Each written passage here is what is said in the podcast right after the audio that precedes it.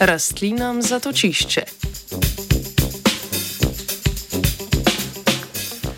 Nepokošeni deli travnikov predstavljajo zatočišča za različne nevretenčarje, kot so metulji, kobilice in divje čebele, kamor se ti lahko v času košnje umaknejo.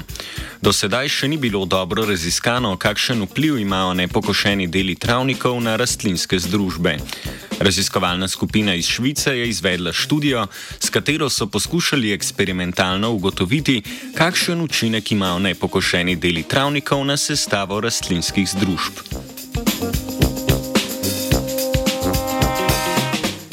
V okviru raziskave so preučevali dva tipa travniških zatočišč, ki sta se razlikovala glede na njihovo stalnost.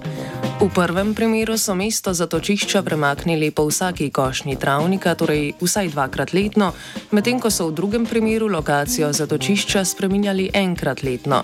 Kot kontrolne površine so opazovali travnike, ki niso imeli zatočišč.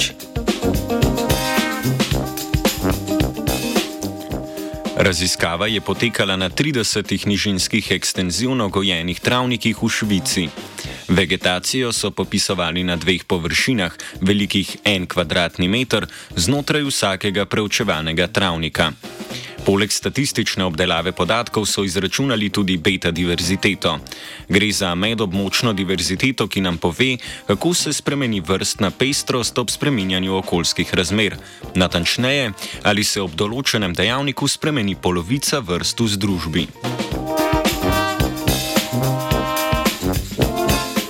Rezultati raziskave so pokazali, da premikanje lokacije zatočišča večkrat letno ni povzročilo večjih negativnih vplivov na raznolikost in sestavo rastlinskih vrst.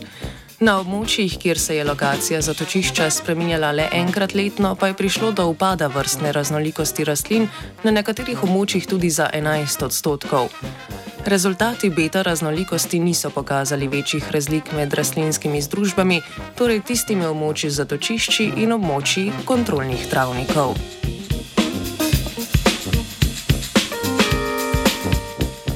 Pretekle raziskave so pokazale pozitivne učinke nepokošenih zatočišč na združbe herbivorov in opraševalcev.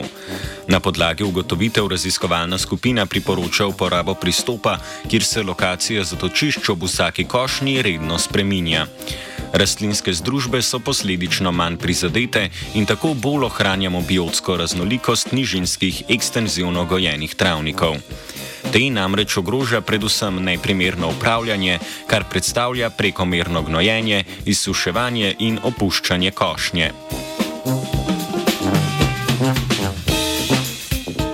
Ob vsaki košnji drugo zatočišče travniškim rastlinam želi Sebastian. Three.